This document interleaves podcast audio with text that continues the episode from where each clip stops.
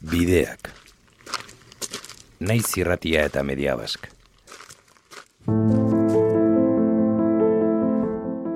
kontrol selektiboak eta kontrol rasistak behin eta berriz e, salatu indoguz kontrolak. Ce que moi aujourd'hui ça m'est arrivé, mon cousin il était décédé ici. Donc je plus que ça... Komisaldegitik atela naizenean, argi eta garbi izanean, urrengo arte. Zenta, segituko dut legaltasunez, lege horiek laguntzen. Zubiak irekitzea aldarrikatzen dugu behin eta berriro. Kontrola kentzea. Désolé, ni Niego Couillou et encore moins moi, nous pouvons infléchir la position des États et, et, et encore moins de l'Europe. Ze kontrol selektiboa ari da egiten eta zer hartzen da kontuan egiteko kontrol batek mm, persona bati bai Une fois que tu fais le passage, il y a beaucoup des autres bénévoles qui vous accueillent et qui vous amènent aussi en voiture de manière gratuite. Si, ils, ils ont vu, les policiers ils ont vu que la groupe est nombreux,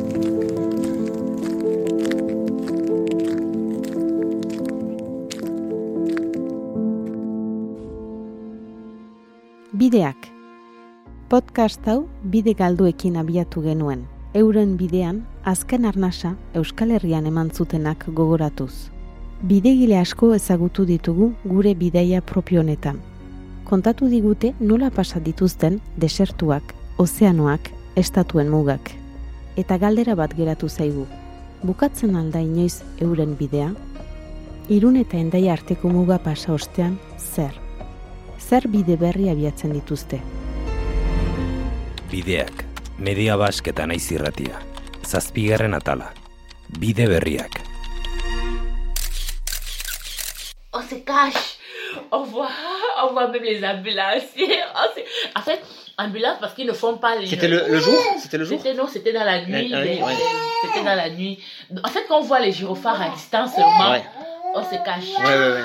On marche, on marche, on marche. On a même peur parce qu'on nous dit, euh, on nous a dit au moment quand vous arrivez dans certains endroits, ce sont même les habitants qui appellent la police et tout. Donc, on a même peur de se renseigner en fait. Ouais. Mais au final, on prend le courage et dit bon, moi, je suis fatiguée de marcher, je vais vers. Podcast honen bigarren atalean ezagutu genuen Nadej. Kamerungoa da, hogeita behatzi urte ditu. Aur txiki batekin eta bigarrenaz aurduntzela gainditu zuen Ozeano Atlantiarra. 2008 bateko egu berrian bueltan iritsi zen Baionako pausa zentrora. Ils m'ont orienté vers la CIMAD. Je suis allée à la CIMAD, c'était fermé parce que c'était la période des fêtes. Mais Madame Hélène Ducas de la CIMAD, elle est venue à Paoucha plus tard et on, a, on a parlé, elle m'a reçu, j'ai parlé avec elle, je l'ai expliqué. C'est comme ça qu'elle a pris. Bon, là, elle a tout fait. Là, je partais à deux semaines à Paoucha. Elle- déjà, ils m'ont trouvé un logement à- une dame, une dame qui partait, qui partait en, en mission humanitaire au Congo. Mm. Merci à elle qui m'a donné son appartement. Ah oui, en fait, voilà, c'est quelqu'un qui vous prête son appartement. Ouais, elle m'a prêté son appartement pendant sept mois. Vraiment, merci à elle. Beste askoren antzera, Zimad elkartearen eskutik, egin ditu lehen urratsak gurean Nadej amagazteak, eta norbanakoen eskuzabaltasuna izan du lagun berak. Misio humanitario batean abiatu zen, emazte baten etxea izan zuten Nadej eta bere aurrak lehen aterpe. Donc, vraiment, merci pour ça. J'ai fait sept mois chez elle et franchement, franchement, c'est. C'était énorme en fait.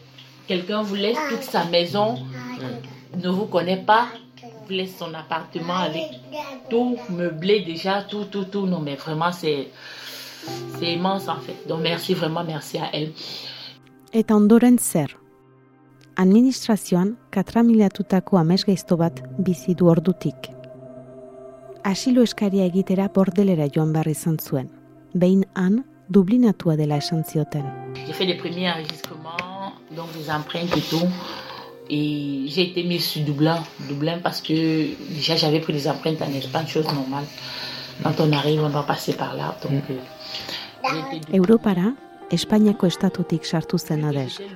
Eta Dublingo hitzarmena eskutan asilo eskaria Espainian egin behar duela esan diote. Espainiari galetuko dio, Frantziak ia asilo eskari hori bideratu dezakeen. Parce que Dublinais, ça veut dire que normalement ils étaient censés vous renvoyer vers l'Espagne, alors puisque c'est l'Espagne qui vous avait enregistré en premier, c'est ça Oui. Bon, Non, que- logiquement, c'est que je, do- je devais demander l'asile en Espagne. Voilà. Ez da aukera honena nadezentzat. Bide luzea egin du eta baionan gutxieneko aterpe eta sare bat baditu dagoeneko. Baina ez da berea erabakia. Ustez, harrerarako balio duen Dublingo hitzarmena da araua. Maizegi, kanporatze mekanismo bihurtu dena. Ils m'ont un deuxième rendez-vous pour le 30 mars. Et déjà, ils ont vu mon état. J'avais un, j'avais d'abord un rendez-vous à, à la SPADA le 11 mars. Nous sommes le 1er mars. J'ai un rendez-vous le 11 mars, un autre rendez-vous le 30 mars. Je dois accoucher dans un mois. Et tout ça c'était à Bordeaux C'est à Bordeaux. C'est horrible. Ah ouais. Amaika egun beranduagorako eman diote itzordua berriz bordelen. Zortzi labeteko ordun dago, ez dago ondo eta itzordura joateko arazoak izan ditzekeela esan die asilo eskariko bulegokoei. Itzordura kale egitea arrazoitzen badu, ez dagoela arazorik esan diote. La dame m'a dit qu'il n'y a pas de problème si je ne peux pas venir et que je peux justifier mon rendez-vous, mon absence. Ça va, ça ne pose pas de problème. Donc euh, je reviens à Bayonne, le même premier, là. Je vais à l'hôpital parce que j'avais rendez-vous, les, mes visites prénatales le 8. Berriz baionan, ez bidaiatzeko aholkatu diote ospitalean. Ziurtagiria eman diote eta bidali. Hortik aurrera, dena hankaz gora da bere bizitzan. J'envoie également en préfecture pour justifier mon rendez-vous du, du 30, du 30 mars. Seulement sur ça là, toute ma vie a chamboulé en France. Ma vie a chamboulé en France, tout, a, tout est parti comme ça. Tout va mal.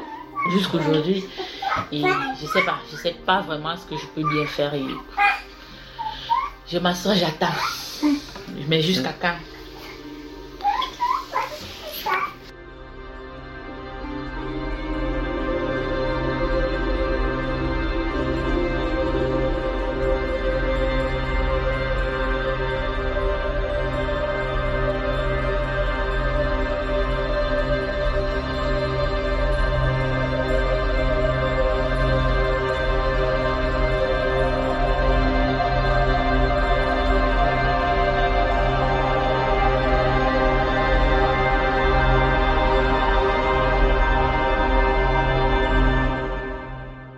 Hilabetetan, administrazioaren berririk ez du izan. Bon, là même c'est encore passable. Je prends mes pieds en septembre, je prends mon billet, coupe le billet, je m'en vais à Bordeaux. J'arrive à Bordeaux, on me dit, Madame, vous avez été déclarée en fuite. En fait, le mot en fuite là m'a tétanisé. J'étais, j'étais comme figée sur place. Je me dis, mais en fuite, comment ça Qu'est-ce que ça signifie? On me dit, euh, ça veut dire que vous, vous pouvez encore faire une demande d'asile dans 18 mois. Administrazioarentzat iesi egin du nadezek. Eta orain zer, urte eta erdira eskaria berritz egin beharko duela esan diote. Eta bitartean zer. J'ai dit 18 mois et entre temps je vis comment Qu'est-ce que je mange avec mes enfants On dort où Eta etengabe beldur bat, poliziarekin topatu eta kanporatuko ote duten. Oui, donc euh, jusqu'ici, jusqu'aujourd'hui, je, je suis là. Je marche dans la rue, j'ai peur.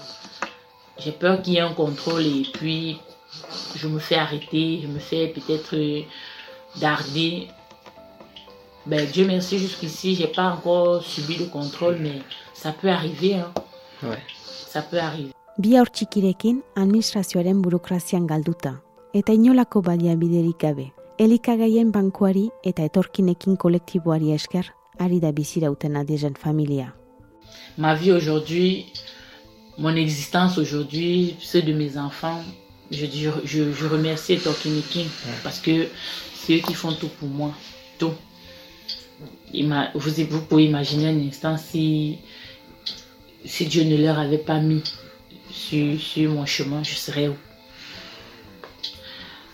Etenik gabeko oztopo bidea da Kamerundar ama gazte honena. azken aurreko atala, paperik gabekoei osasun sistemarako sarbide ematen dien ziurtagiri bila joan da. Au fait que la préfecture me dit de patienter jusqu'à 18 mois, encore elle, elle me dit de patienter encore pour... Tout le monde vous dit ça en fait, patienter, c'est ça? J'ai... Ça m'a fait mal, j'ai pleuré, pleuré, pleuré, pleuré, pleuré, tout. Je lui ai dit, madame, franchement, c'est horrible. C'est vrai, chez nous, c'est pas le paradis, mais quand vous arrivez chez nous, vous les étrangers, on ne vous reçoit pas comme ça. Ben, j'étais mal, j'étais très mal, j'étais très mal. J'ai demandé, madame, c'est parce que je suis noire. Ok, ne vous inquiétez pas, je vais payer la crème hydratante, je vais changer la couleur de ma peau. Comme ça, quand je vais venir devant vous, vous allez me recevoir comme une personne. Nadejen hitzak dira. Galdetu nion, beltza nintzelako tratatzen oten ninduen horrela. Esan zuritze krema bat erosiko nuela, eta agian, modu horretan, pertsona gisa tratatuko ninduela.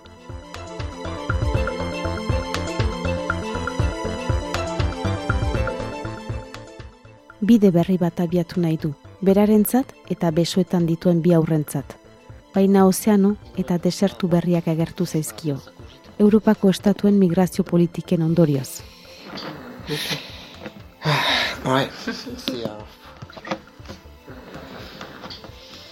Il s'est endormi. Ouais.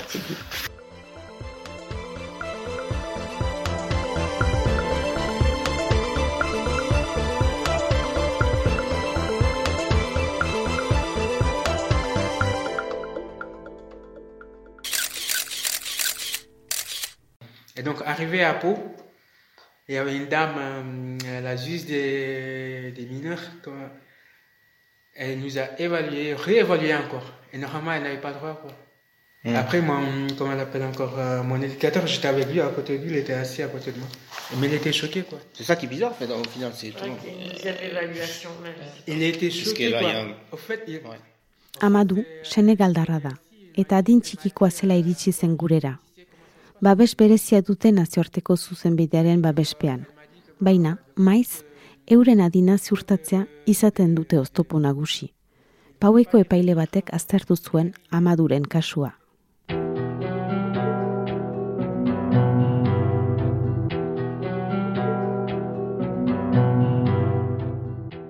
Et donc l'épaule gauche, je sais pas, les os ici, ça fait, je sais pas, euh, 18 ans. Après, ils m'ont dit la hanche, ça fait, je sais pas, 22 ans.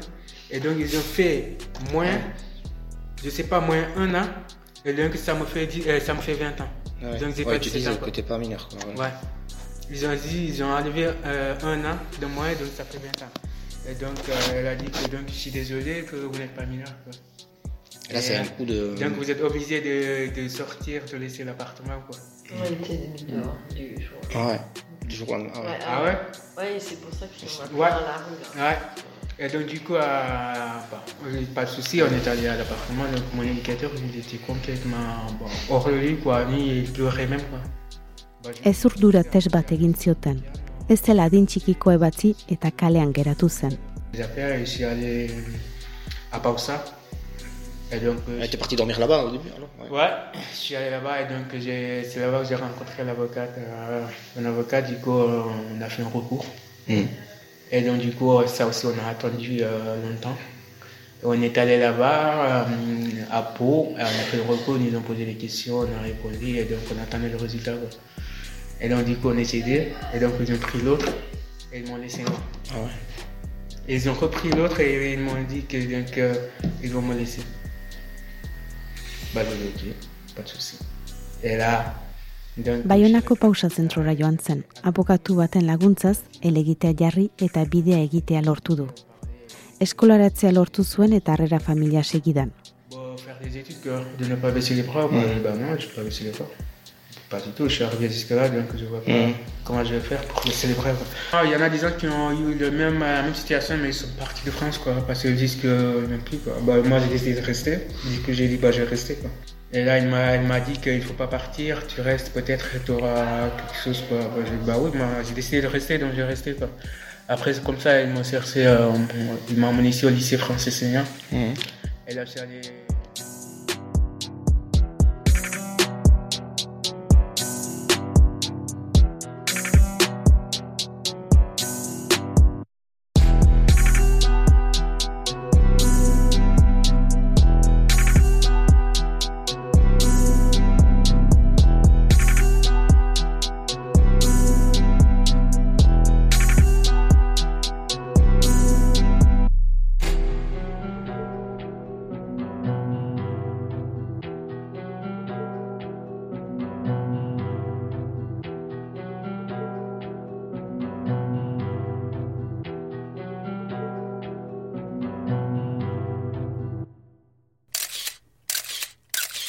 fait, quand j'étais au Sénégal, il y a eu mon oncle, le frère de mon père, il gérait, dans, il était dans un boulanger.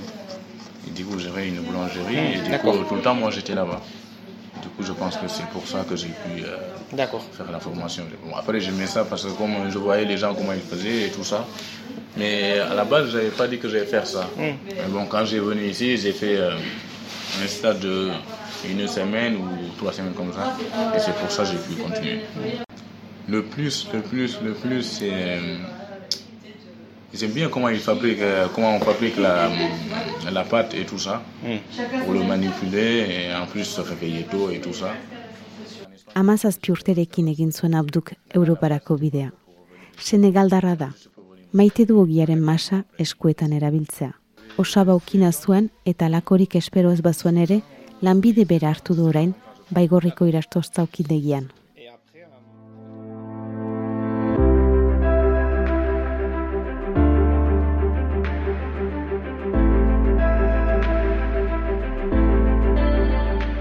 Uh, Abdu jinda dila uh, bi urte, oai, bi urte pastuik. Uh, ba, ginin langile eskas bat. Eta ordeon uh, galdein nuen eskointa esker, jabazenez langileik, uh, lanik sekatzen zinik, eta irin, irin, irin saltzaleak errantzan, baino bazela azparnen, Senegaletik edu zena, aprendizgo finizina, eta igual interesatiela ikena. Eta hala, sartu ginen eta harekilan harremanetan eta hola pastu da. E, baigurri gustatu zizakol eta nire gustatu zizan horren historioa eta hala. Geostik hemen da gure etxan. Eta behar bada, zaila da, lan horretan atxemaitea bai uh, egun langile bat, uh, Bai, urte biz, biziki lan, uh, zaila da, ez duzu hori ginen problema ez ginen atxemaiten al. Eta ez du uh, la weekendetan, ero gauaz pixkat, ero jendeak iziazten toa entxor, ez da ise atxemaitea ez. Ez zuen aurtzaro erresa izan. Bere kasuan, osasun arazoak tarteko, bultzatu zuen bere aitak Europarako bidea. Oui, dans ma jeunesse, oui. euh, au début, c'était difficile. Parce que j'avais un problème de maladie avec mes yeux. Et du coup, mon père, il essayait de, de faire tout pour me soigner là-bas. Mais finalement, ça n'a pas eu. Il n'a pas eu réussi de me faire soigner là-bas. Il a fait tout pour que je puisse venir en Espagne pour me puisse euh, faire soigner les yeux. Mais à la base, c'était pas que pour revenir ici. C'était juste pour venir me soigner. Ah, et d'accord. finalement, après, j'ai resté. Euh, tu avais quel âge quand tu, euh, tu as rejoint ton père en Espagne? Euh, J'avais 16 ans, oui. 16 ans ou oui, 16 ans, 17 ans comme ça, je pense. oui. D'accord, ok. 16 et 17, oui. Et après, euh, avec, ton, avec ton papa, tu es resté combien de temps euh, Avec mon père, j'ai resté un an, un an, deux ans. Après, j'ai j'ai venu ici directement. Comme j'étais à l'école, Ouais, ouais. coup, j'étais à Asparin, ici à Asparin. J'ai fait là-bas mon troisième et quand j'ai fini la troisième, bon, je me suis fait, j'ai dit que je vais faire une formation. Joan etorriko bidaia izan behar zuen, baina bertan geratu da azkenean, baigorrin, okin lanetan. Jamuntxo eta Kristinen etxean bat gehiago bihurtu da abdu.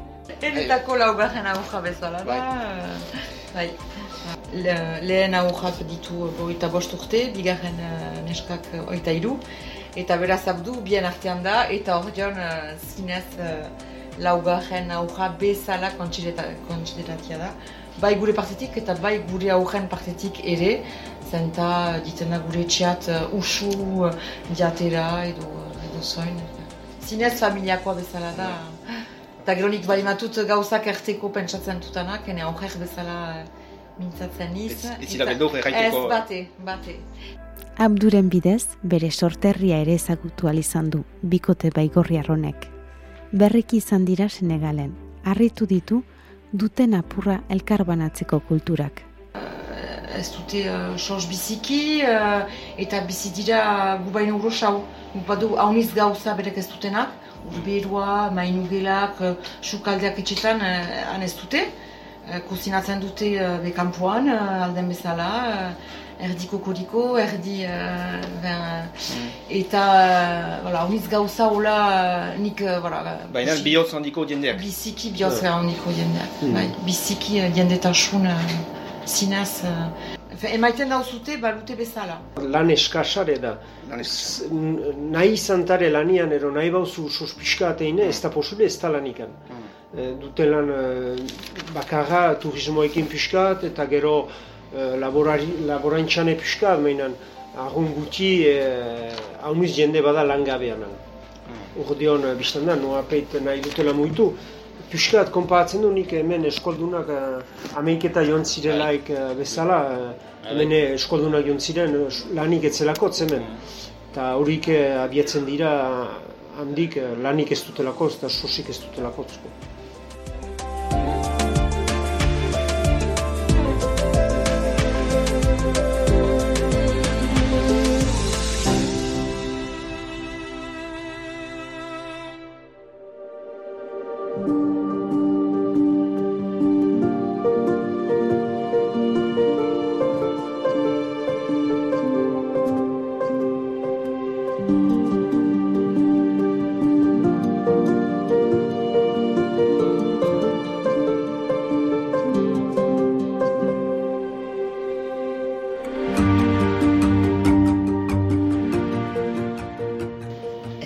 Klarki hartan, baina badakigu guk uh, iorzen dira sosa arat bere familia launtzeko eta bere familia eta bere amaren lagun bat eta bere uh, ez dakit eta eiek behar dira. Behar daude.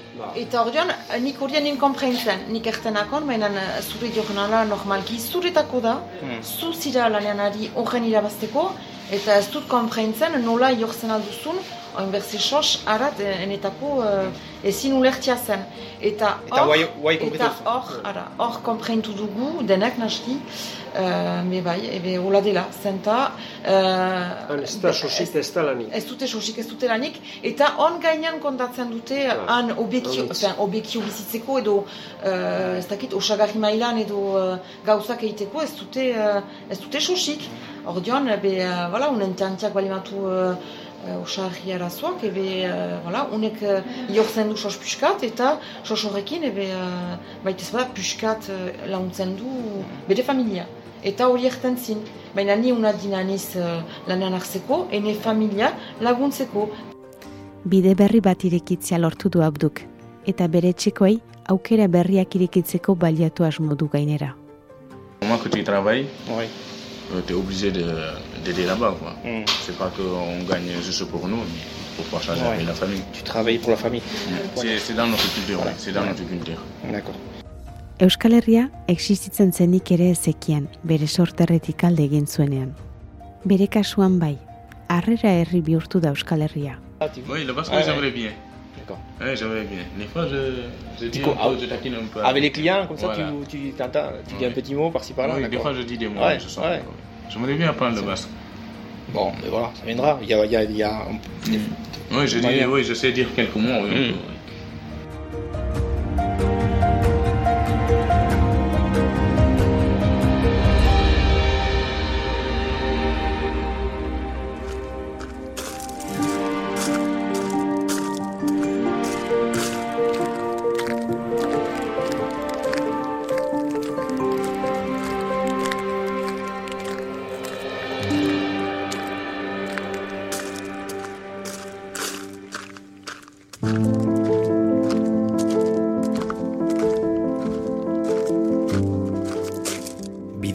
Naiz irratiak eta media baskek mugaren itxierak migrazio bideetan izan dituen ondorioak aztertzeko osatu duten lan berezia da. Koordinazioa, goizeter taberna eta jonteieria. Elkarrizketak, simunlarre eta egoi belategi. Lokuzioa, oiana da gerre. Edizioa eta errealizazioa, larreitzotazo argitalpen hau bideak inmigrazio eztabaidan proiektuaren esparruan kokatzen da. Pirine Atlantikoetako eta Gipuzkoako herritarrek ideiak mugaz gaindiko aurrekontu parte hartzailearen irabazlea da.